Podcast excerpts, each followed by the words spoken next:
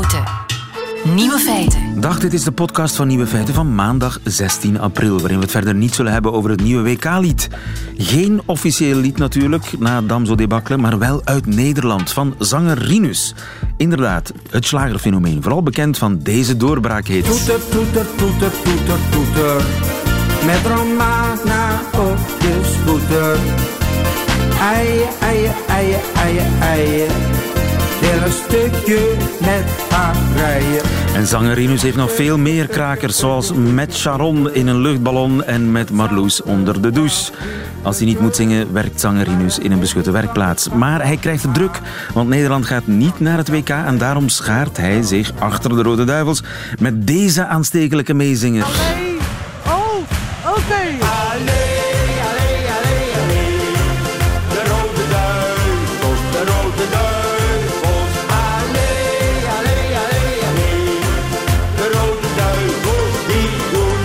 En dan zou u de clip moeten zien, opgenomen voor frituur Waterloo in Groningen. Wat zijn dan wel de nieuwe feiten vandaag? Wel, de militaire actie in Syrië van vrijdagnacht. Die is vooral bekokstoofd in Parijs. Darmkanker kan het best door honden worden opgespoord. Een van de belangrijkste oorzaken van een dringende levertransplantatie is giftige paddenstoelen. En verstrooidheid is vaak het gevolg van vermoeide hersenen. Veel plezier ermee. Nieuwe feiten. Die militaire actie in Syrië van vrijdagnacht, wiens idee was dat eigenlijk? Niet van Donald Trump, zo blijkt, maar van Emmanuel Macron. Steven de Kranen, goedemiddag. Goedemiddag. Onze buitenlandsjournalist. De Franse president die werd gisteren aan de tand gevoeld op de Franse televisie. En ja, daar heeft hij toch een paar opmerkelijke uitspraken gedaan. Laten we eens eerst eens luisteren naar de eerste. Hij zegt eigenlijk, de Amerikanen wilden al weggaan uit de regio, uit Syrië. Il y a dix jours, Tien dagen le président Trump disait les États-Unis d'Amérique ont vocation à se désengager de la Syrie. Nous l'avons convaincu, nous l'avons convaincu qu'il était nécessaire d'y rester. Wij hebben hem overtuigd, wij, hebben, wij de Fransen, wij of wij de president, misschien was het eh, pluralis majestatisch, wij hebben Donald Trump overtuigd om te blijven. Klopt dat? Wel, verschil. De aanval die is uitgevoerd natuurlijk in die coalitie Amerika, Frankrijk, Groot-Brittannië. Ik denk dat het ego van eh, Donald Trump groot genoeg is om te zeggen ik heb op de knop gedrukt om we gaan tot de actie over. Maar ze wilden eigenlijk al weggaan. Eerder, tien dagen geleden, wilden ze nog weggaan. Maar er is inderdaad het plan van de Amerikanen om zich strategisch terug te trekken uit Syrië. Zij beschouwen de oorlog tegen ja, IS bijna als beëindigd. En zij merken ook ja, met al die inmengingen overal dat daar weinig te rapen valt. Misschien strategisch militair, maar de Fransen hebben erop aangedrongen. En dan waarschijnlijk wel inderdaad president Macron om te zeggen: jullie kunnen niet zomaar dat schouwtoneel verlaten. Want dan blijft alleen Rusland, Iran op het terrein. Er is ook nog Turkije die aan die andere grens daar knabbelt. Dus we hebben eigenlijk de steun wel van een grootmacht nodig. En Frankrijk is veel, maar een supermilitaire macht is het niet zoals de Verenigde Staten. Dus ik denk dat het vanuit het oogpunt om Frankrijk, de Franse belangen die daar ook spelen, extra te ondersteunen, dat het nodig was dat de Verenigde Staten daar ook nog bleven. Ja, en eh, Emmanuel Macron is erin geslaagd om Donald Trump te overtuigen. Donald heeft naar Emmanuel, ik gebruik maar de voornamen, want kennelijk doen Dat doen zij ze dat, ook, ja. dat doen zij zelf ook. Eh, heeft, Donald heeft kennelijk geluisterd, maar hij luisterde nog een tweede keer. La deuxième chose, nous avons aussi convaincu qu'il fallait limiter ces frappes aux armes chimiques, alors qu'il y a eu des emballements médiatiques par voie de tweets qui ne vous ont pas échappé. Et donc je pense que nous avons réussi par ce dialogue à tenir le fil. Moi, ma priorité en Syrie, c'est de pouvoir construire la paix. Wij willen gewoon de vrede eh, handhaven en ja, bouwen, maken, vrede maken. En ja, Donald wou er nogal invliegen, maar ik heb gezegd, Donald dimmen, Donald dimmen. Maar iedereen herinnert zich de tweets van eh, Donald Trump, de Amerikaanse president, die zegt: Ja, Russia, eh, the missiles are coming, smart, nice, new. En iedereen dacht natuurlijk op die dag: wat zal er gebeuren? Want Rusland had ook gezegd. Derde Wereldoorlog, Ja. daar stonden we al met één been in. Wij laten dat niet zomaar passeren. En er is dan een telefonisch gesprek geweest, een telefoon van de Franse president aan Donald Trump, om te zeggen inderdaad, we moeten toch rekening houden met de gevoeligheden in de regio. En pas op, er speelt ook heel veel trots bij. Niet alleen heb je sowieso het militaire, diplomatieke, het politieke dat allemaal speelt, maar er bestaat ook zoiets als die trots. En wat blijkt ook uit verslagen die we nu binnenkrijgen, is dat Emmanuel Emmanuel Macron ook gebeld heeft met de Russische president Vladimir Poetin. Dus je ziet eigenlijk aan al die telefoongesprekken dat de Franse president wel heel veel gebeld heeft. De ene keer naar Washington, de andere keer naar Moskou. Hij heeft ook gebeld met de Turkse president. Dus wat hij doet is eigenlijk overal aftasten wat kan en wat kan niet. En hij is een beetje de spin in het web geworden, kun je wel zeggen. Slim gespeeld wel. Slim gespeeld, want Emmanuel Macron is niet vies van PR. Net voor de aanval, op donderdag, was er ook al een groot tv-interview op de middag bij TF1. En daar heeft hij als eerste westerse politicus gezegd: Wij hebben bewijzen dat de gifgasaanval in de Syrische stad Douma van tien dagen geleden, dat het wel degelijk ging om het werk van de Syrische president Bashar al-Assad. Op dat moment was iedereen nog aan het uitvissen. Is het zo? We denken het wel. We zijn ervan overtuigd. Maar Emmanuel Macron was de eerste die duidelijk zei: op basis van onze inlichtingendiensten, op basis van informatie die de Fransen verzameld hebben, kunnen we stellen het is het werk van. En dit kunnen we niet zomaar laten gebeuren. Ja, en hij heeft ook de president ervan overtuigd om, om de aanval gelimiteerd te houden. Alleen die chemische installaties te bombarderen. Dus uh, daar moet toch iets tussen die twee mannen zijn gebloeid. Het is al langer dan vandaag. En ik denk, het gaat terug in feite tot de verkiezing van Emmanuel Macron. Een jaar geleden nu bijna. En wat je zag is dat Donald Trump toen net een paar maanden in die Oval Office ja, ook wel keek naar Frankrijk en zag die jonge, frisse president waarvan iedereen ook zei dat wordt misschien een soort Kennedy op zijn Frans. Het is een winnaar en ja, Donald Trump afficheert zich graag met winnaars. Dus er waren onmiddellijk al gelukwensen in mei. Twee weken na dat Macron president was in Frankrijk, was er hier in Brussel een top. Er was een top van de NAVO en ik weet niet of jij nog herinnert, lieve, die handdruk. Ja, ja, ja, ja, ja dat was spectaculair. Twee macho-heren die samenkomen. Het was om ter hardst knijpen. Om ter hardst knijpen. En wat je voelt is dat beiden eigenlijk wel een groot ego hebben. En zoiets hebben van liever iemand met een groot ego en persoonlijkheid dan watjes waar we overheen wandelen kwam dan de discussie over de terugtrekking van Amerika uit het klimaatakkoord van Parijs, waarop Macron zei van we'll make the planet great again. Ja. Een verwijzing naar planet Trump. great again, dat zei In het Engels. Ja. En net daarna nodigt hij de Amerikaanse president uit op de 14e juli, de Franse nationale feestdag. En iedereen dacht, Trump die zal beledigd geweest zijn door die uitspraak van Macron. Maar nee, hij is naar Frankrijk gereisd, naar Parijs, is daar met alle egaars ontvangen. Waar hij zeer gevoelig aan is. Zeer gevoelig. En Macron had zijn huiswerk gemaakt. Blijkbaar is ja, Donald Trump ongelooflijk onder de indruk van militaire uniformen en défilés en al dat uh, ja, pump ja, and circums. Het is een soort Batman en Robin. Juist.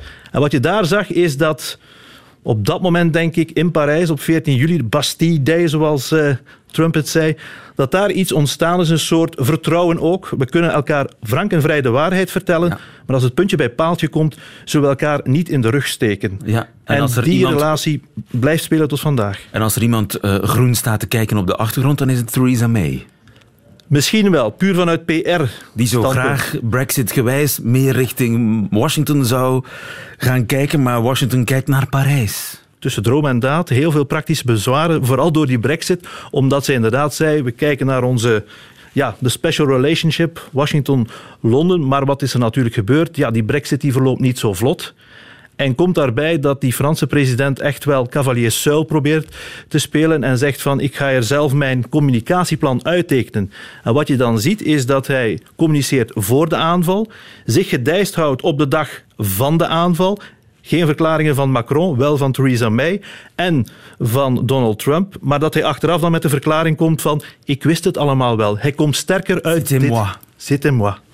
Sterk, eh, sterke PR-oefening. Dankjewel, Steven de Kraan. Goedemiddag.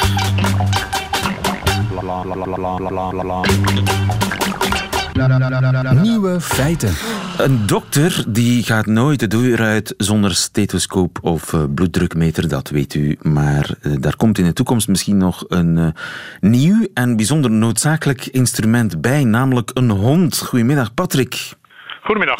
Patrick Hilverink van de Universiteit van Utrecht. Wat moet een dokter met een hond? Goeie vraag. Uh, in principe niks. Maar wat wel zo zou kunnen zijn, is dat honden uh, in de screening voordat een patiënt naar de dokter kan, een dienst kunnen bewijzen. Wat kan die hond? Onze honden die kunnen uh, darmkanker in ontlasting detecteren. U heeft honden getraind om darmkanker te detecteren in ontlasting van mensen. Ja, dat klopt. En ruiken mensen met darmkanker hun ontlasting anders dan mensen zonder darmkanker? Ja, blijkbaar wel. Voor ons is dat uh, niet waar te nemen. Als ik uh, mijn samples bereid, dan zal ik in alle eerlijkheid zeggen dat ze allemaal gewoon stinken. Maar uh, honden kunnen dat verschil wel waarnemen, ja. En hoe kun je een hond trainen om dat verschil waar te nemen? Ja, dat, dat, dat, is een lang proces. Heel simpel gezegd is het, uh, je leert een hond dat een specifieke geur, in dit geval darmkanker, hem iets oplevert.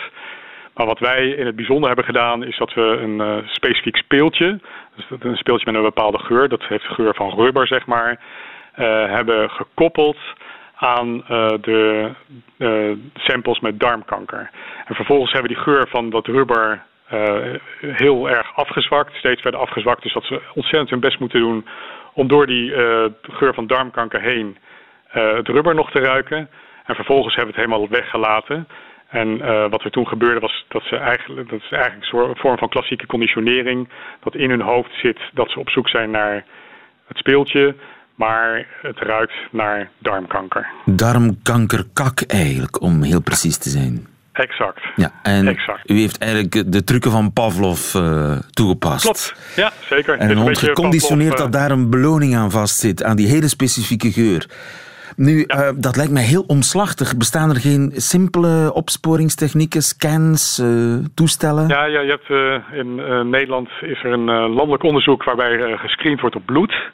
En dat kan een voorbode zijn voor darmkanker. Maar dat is niet een hele specifieke test. Hij is redelijk sensitief, dus hij zit rond de 65 procent. Maar uh, hij is niet heel erg specifiek. Dus uh, heel veel mensen worden onterecht uh, gescreend. En dit en is wel veel betrouwbaarder. Ja, die screening die is wel ongeveer vergelijkbaar met hoe ons, onze honden werken. En die screening, dat kent u waarschijnlijk wel. Dat is een coloscopie. Dat is een camera die in je anus gaat. En daar bekijken ze de darmwand op tumoren. Ja. Maar ik heb eigenlijk liever dat een hond even aan mijn poep ja. snuffelt ja, dat, dan dat, dan dat, er een ding ingaat. Dat is, dat is uh, als eerste screening zou dat in ieder geval uh, uh, zou, zou dat natuurlijk veel beter zijn. Het, het, is veel goedkoper en het is ook veel minder invasief. En zou in een ideale wereld dan op een gegeven moment iedereen eens even langs de, de darmkankerhond moeten? Ja, die zou, op, op een zekere leeftijd? Je zou, zoals we in Nederland uh, uh, vanaf uh, 55 moet je ontlasting inleveren en dan krijg je die eerste screening op bloed. Zo zou je dat, als je heel veel honden zou trainen, zou je dat inderdaad in principe ook zo kunnen doen. Dus dan zouden ze uw, bloed of uw ontlasting screenen en dan als het volgens de honden niet goed was, dan zouden ze alsnog kunnen bekijken of het echt niet goed is of dat het ja, ja. En, en zou dat haalbaar zijn volgens u om genoeg honden te trainen om zo'n nationaal darmkankeronderzoek uh, te realiseren? Uh, ik denk voor een organisatie als ons, in alle eerlijkheid, wordt dat lastig. Maar als je met meerdere organisaties zou gaan samenwerken. En wij, uh, wij trainen behalve medische detectiehonden ook nog heel veel andere smaken, zeg maar. met name met blinde geleidehonden. Maar uh, in principe uh, zou je, uh, zoals wij nu acht honden hebben, zou je natuurlijk ook 200 honden kunnen trainen. En dan zou je dat kunnen doen. Ja, en dan zou elk ziekenhuis straks kunnen zijn uitgerust met een speciale, ja, speciaal medisch opgeleide hond. Ja, je zou het, want zoals wij het doen, of zoals wij het zien eigenlijk, is zou dan, de monsters zouden dan naar een bepaald trainingscentrum komen. en daar worden die monsters gescreend. Dus niet in het ziekenhuis zelf, maar op een andere plek. En je zou dat kunnen uitbreiden naar andere ziektes ook? Zeker. Dus je zou eigenlijk, zoals je vandaag uh, medische laboratoria hebt, zou je ook ja, medische hondencentra kunnen hebben. Absoluut. Ja, dat is, daar, zit, uh, daar zit toekomst in, daar zit muziek in. Want uh, er zijn ook andere ziektes die een speciale geur afscheiden. En misschien is dat simpeler, goedkoper en betrouwbaarder dan de klassieke opsporingstechnieken. Dat is een optie, ja. Mag ik je daar heel veel succes bij wensen? Dankjewel, Patrick Dank Hilverink. Goedemiddag. Heel graag gedaan. Tot ziens. Dag.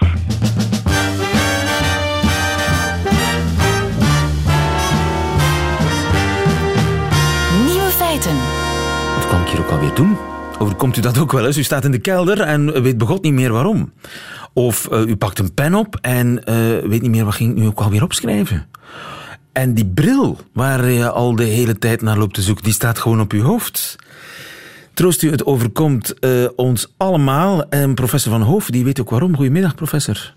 Goedemiddag. Elke van Hoof, klinisch psycholoog van de VUB. U heeft een, een, filmpje gemaakt en dat filmpje staat vandaag online uh, op de Universiteit van Vlaanderen. Mm -hmm, inderdaad. En dat uh, fenomeen, die verstrooidheid waar ik er net over had, heeft dat een, heeft dat een specifieke naam? Goh, ja, dat, we refereren daar gewoon naar, naar chaos in uw hoofd. Hè. Uh, chaos omdat natuurlijk, in... hè, chaos, uh, vergeetachtigheid, er zijn verschillende namen daarvoor.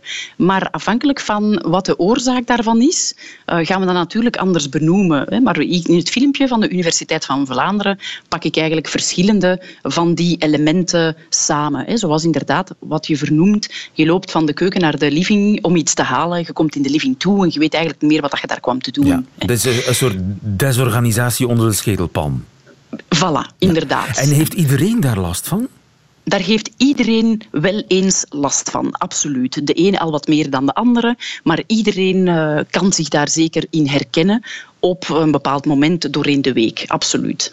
En is ja. dat iets wat leeftijdgebonden is? Want ik herinner mij uh, dat als kind overkwam me dat ook al. Dat ik bij de bakker, ja? bakker stond en ik moest eigenlijk bij de slager zijn.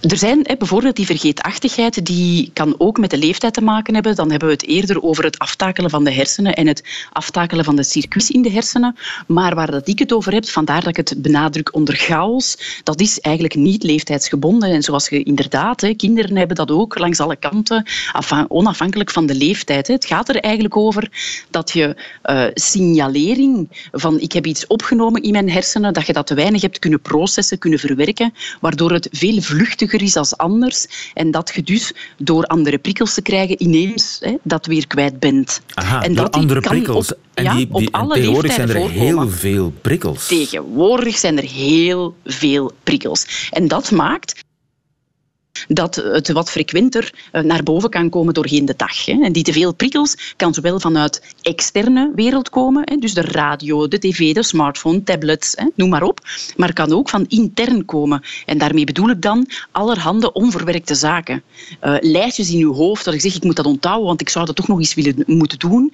Uh, of onverwerkte dingen van ik moet toch eens dat goed laten bezinken alvorens ik daar een keuze over maak. Ook die onverwerkte zaken die komen dan van intern, gaan daarmee interfereren.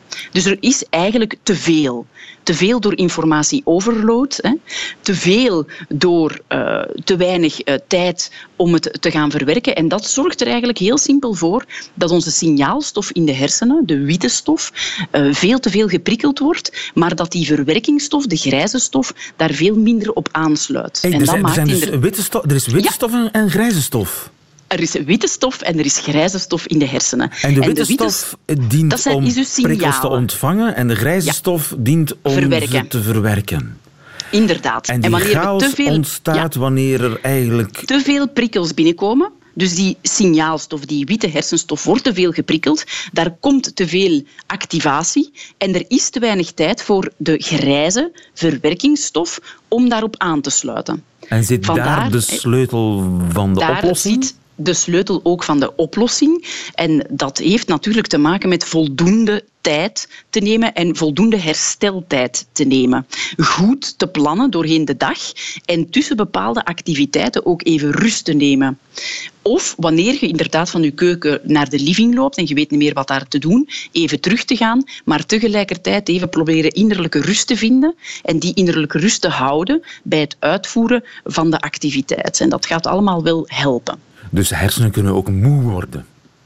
Hersenen kunnen moe worden, zeker. Maar de hersenen kunnen dus ook chaotisch ageren in een overprikkelende wereld. En dat is nu net de context waarin we vandaag de dag leven. Dus zou het een goed idee zijn om een paar keer per dag gewoon twee minuten niks te doen?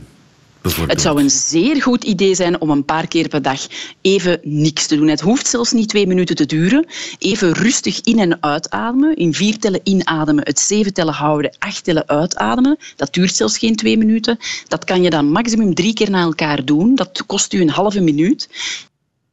dat gaat er ook voor zorgen dat die chaos verdwijnt. Wat kan je ook doen, en dat is iets dat iedereen kan toepassen, dat is gedurende een half uur per dag even goed gaan doorwandelen even een pauze nemen van achter uw computer en een half uur goed doorwandelen. En dan zien we dat eigenlijk dat evenwicht tussen al die stoffen in de hersenen, dat dat eigenlijk veel langer houdt. En specifiek wandelen is daar heel goed voor. Specifiek wandelen, maar niet slenteren. Hè. Goed doorwandelen. Ja? Aan een stevig tempo uh, doorwandelen en een half uur aan een stuk. En wat doet dat dan precies, dat wandelen? Dat, dat zorgt er eigenlijk voor. Hè, dat zorgt voor verschillende zaken. Je hebt enerzijds wat wij noemen bilaterale stimulatie, waardoor er andere gebieden worden geactiveerd, waardoor er meer evenwicht komt. Maar we gaan ook veel meer zuurstof innemen, uh, verse zuurstof, waardoor we letterlijk hè, alle uh, afvalstoffen kunnen gaan verwijderen. We gaan beweging doen. En beweging zorgt ervoor dat de stresshormonen uit de hersenen worden verwijderd, waardoor we letterlijk weer een nette set hersenen krijgen. Heel simpel gezegd weliswaar om aan de volgende taak te starten. Even je hersenen laten uitwaaien. Dankjewel Elke van Hoof. Ik kijk zo meteen eens uh, naar jouw filmpje op de Universiteit van Vlaanderen. Veel plezier ermee. Dankjewel. Goedemiddag. Ja, dag. Nieuwe feiten. Coucou de France. Met Alex Visorek. Aha, de nieuwe feiten vanuit Parijs naar aloude en zeer goede gewoonte. Op maandagmiddag praat ik bij met mijn lieftallige collega en landgenoot en uh, Franse radioster Alex Visorek. Goedemiddag, Alex. Ja, goedemiddag, lieven. En met uh, dit prettige weer. Ja. Maar er is een Franse uitdrukking die zegt: En avril ne te découvre pas d'un fil, en mai fais ce qu'il te plaît. Uh, u begrijpt dat? In april kleed je niet uit. In ja. mei, uh, fais qu'il te plaît, doe wat je wil. Ja, dat is heel juist. En uh, president Macron heeft niet tot mei gewacht om te doen wat hij wil. Hij heeft een bijzonder drukke week gehad. Ah, ja. Met een aanval in Syrië. en twee grote interviews op de televisie. Dat twee? was nodig. Twee, ja, ja. want wie onlangs in Frankrijk is geweest, weet het. Frankrijk staakt. het is een land van liberté, égalité, tout à l'arrêt. Uh, 60%, 60% van de Fransen vinden dat uh, zijn hervormingen niet genoeg sociaal zijn. Uh, daarop moest hij dus reageren. Ten eerste in Le 13 op TF1 en ten tweede gisteravond op BFM TV. Amai, dat is echt wel de la grande opération de communication. Voilà, dat is het. Twee interviews en vooral twee heel verschillende interviews. De eerste uh, op woensdag was het meest surrealistisch, want Le 13 is een speciaal journaal. Het is meestal door gepensioneerden gekeken en de presentator is sinds 30 jaar Jean-Pierre Pernaut. In Frankrijk is hij een boegbeeld van oppervlakkige journalisme. Zijn favoriete thema's zijn regionale ambachtsmannen en ook het weer. Mesdames et messieurs, bonjour. Vous l'avez remarqué, c'est encore le printemps, 15 jours avant la date. Regardez les belles prévisions d'Evelyne Delia. Elle nous annonce toujours beaucoup de soleil. Beaucoup de soleil. Ja, dat Ja. is de... Die man weet wat echt belangrijk is. Ja, dat is het. Et la cerise sur le gâteau. Dit interview gebeurde in een lagere school uh, in het platteland. Uh, daar zitten ze allebei in een klas, en Normandie. De kinderen spelen buiten, achter de raam. En Macron ziet eruit zoals een gestrafte leerling die over Bashar el-Assad moet spreken. Ja, ik heb dat gezien, die beelden. Prachtig. Eh, Maar ja, dat was het. Eh, gisteravond was het totaal anders. Twee eh, uitdagende journalisten. Het vond plaats in het Nationale Danstheater. En daar hadden ze agressieve tango gedanst. Wie wakker werd van een coma gisteravond, dacht zeker dat het een verkiezingsdebat was. Met veel Eh, kritische vragen dan. Maar meer dan in Le Trésor. Euh, voilà, hoor maar de vraag van Jean-Pierre Pernaut. Cette image, elle vous surprend ou vous la connaissez? Parce qu'à l'Élysée, par définition, est-ce que vous n'êtes pas un peu trop isolé? Est-ce que vous entendez ces critiques? Et les gens qui sont contents, puis les gens qui sont pas contents du tout Lichtzinnig, sommigen zijn blij en sommigen zijn helemaal niet blij. Heeft u dat gehoord, meneer president?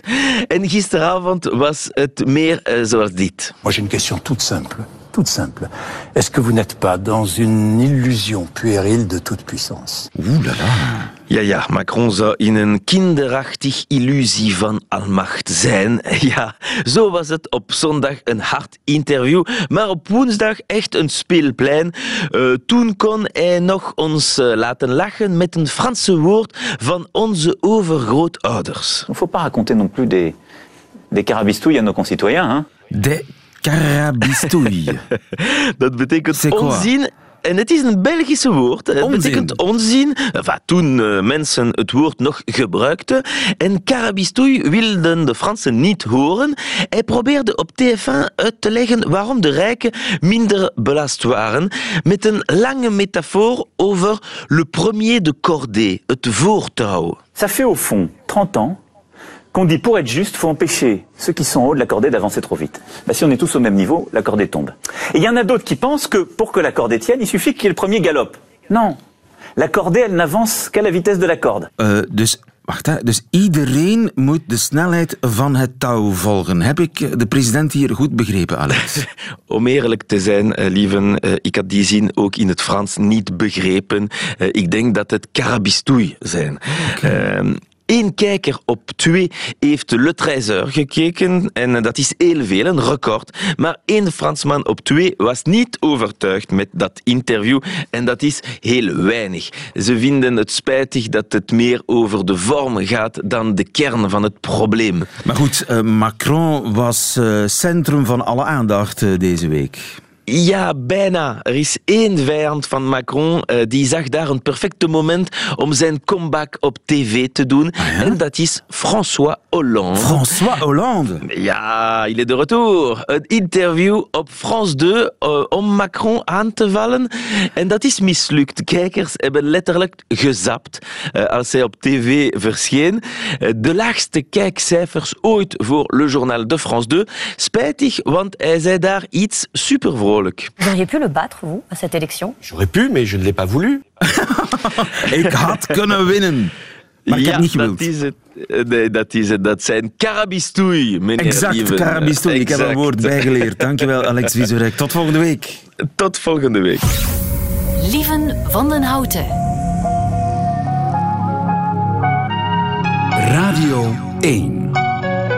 Het verrassende nieuwe feit vandaag is uh, toch wel wat de eerste en de tweede oorzaak zijn van een dringende levertransplantatie. Luc Colombi, goedemiddag. Goedemiddag. U bent de transplantatiecoördinator. Uh, op twee van de uh, oorzaken van een dringende levertransplantatie vinden we giftige paddenstoelen. Mensen eten nog steeds giftige paddenstoelen, klopt dat? Ja, het is zo dat we toch ieder jaar uh, geconfronteerd worden met mensen die gaan wandelen in het bos of in de tuin en men denkt van ja, dat zijn hier goede paddenstoelen om op te eten. En die, die natuurlijk die paddenstoelen klaarmaken met als gevolg dat het giftige zijn. En smaak je dat niet, dat dat giftige paddenstoelen zijn? Uh, ik denk van niet, want anders zou het toch niet ingenomen ja. hebben. En dat ze dan moeten opgenomen worden in het ziekenhuis uh, met een acuut leverfalen. Uh, dat betekent dus dat die mensen toch binnen twee dagen een lever moeten krijgen, of die sterven natuurlijk. Ja. Ja, dus je kunt sterven van giftige paddenstoelen, tenzij je natuurlijk ingrijpt en een vervanglever klaar hebt. Ja. en dat, is, en dat, is, dat gebeurt toch elk jaar? Dat, uh, dat voorkomt ieder jaar inderdaad. En wij werken samen met Eurotransplant. En de indicatie voor hoogdringende levers is inderdaad onder andere de paddenstoelen, ook de dalfagan-intoxicatie. Dalfagan-intoxicatie? Dat, ja, dat, dat dus is de eerste die, oorzaak? mensen die inderdaad te veel dalfagan genomen hebben voor een pijnstilling en dat men inderdaad uh, een leverfaal doorkrijgt, uh, moeten wij aanvragen aan Eurotransplant om een zeer dringende lever. En we hebben het geluk dat we samenwerken met verschillende landen en kunnen rekenen op solidariteit als we inderdaad een dringende lever nodig hebben om die mensen te redden. En maakt het uit welke pijnstiller? Is de ene pijnstiller gevaarlijker dan de andere? Het gaat eigenlijk over het paracetamol, die men, uh, medicijn met paracetamol, als men dat in hoge dosissen uh, inneemt, dat men het risico krijgt op uh, leverfalen. Dat en klopt, dat is specifiek paracetamol? Ja, dat klopt, ja. En dat is het werkzame bestanddeel van dafalgan? Van dalfagan, inderdaad. Als je natuurlijk uh, pijn hebt, tandpijn zo, dan mag je wel dalfagan nemen. Maar je moet toch opletten met de dosis. En als natuurlijk een man van 100 kilo dalfagan neemt, vergeleken met een vrouw die bijvoorbeeld met 50 kilo weegt en dezelfde dosis, en men gaat inderdaad meer en meer dosis nemen om de pijn weg te hebben, kan inderdaad een leverfalen eindigen. En over hoeveel gram spreken we dan? Ja, ik denk toch als men eh, naar, naar 4, 5 gram gaat per dag, dat het toch uh, een risico wordt. Ja. 5 gram per dag, paf, en je kan uh, in het ziekenhuis belanden en heel dringend een nieuwe lever nodig hebben. Dat klopt, ja, dat klopt. Uh, maar dat zijn de dringende levertransplantaties. Want ja, bij levertransplantatie denk ik natuurlijk aan mensen met een drankprobleem.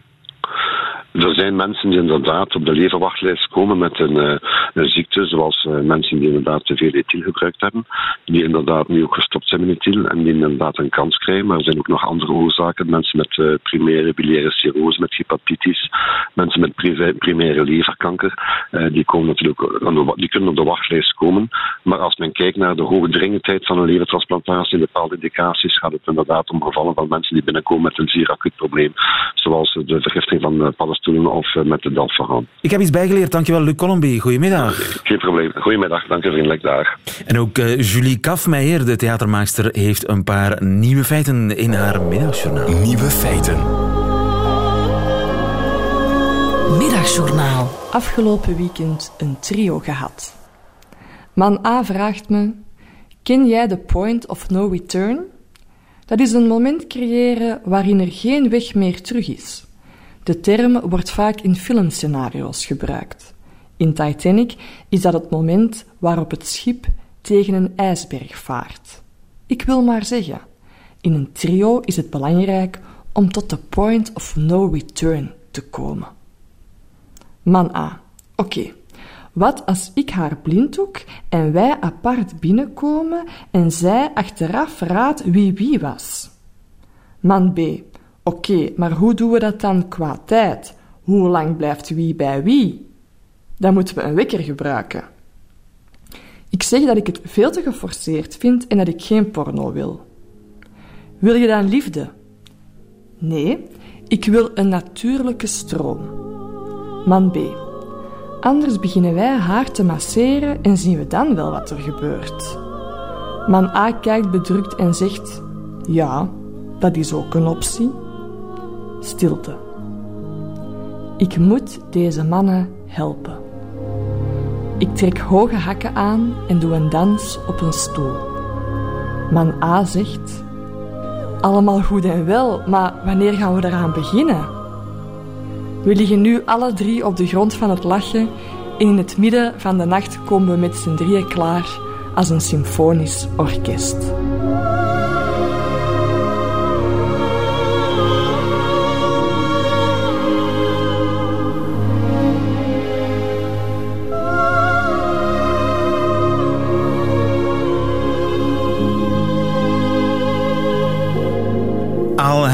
What She's Having, het middagjournaal met theatermaakster Julie Kafmeijer.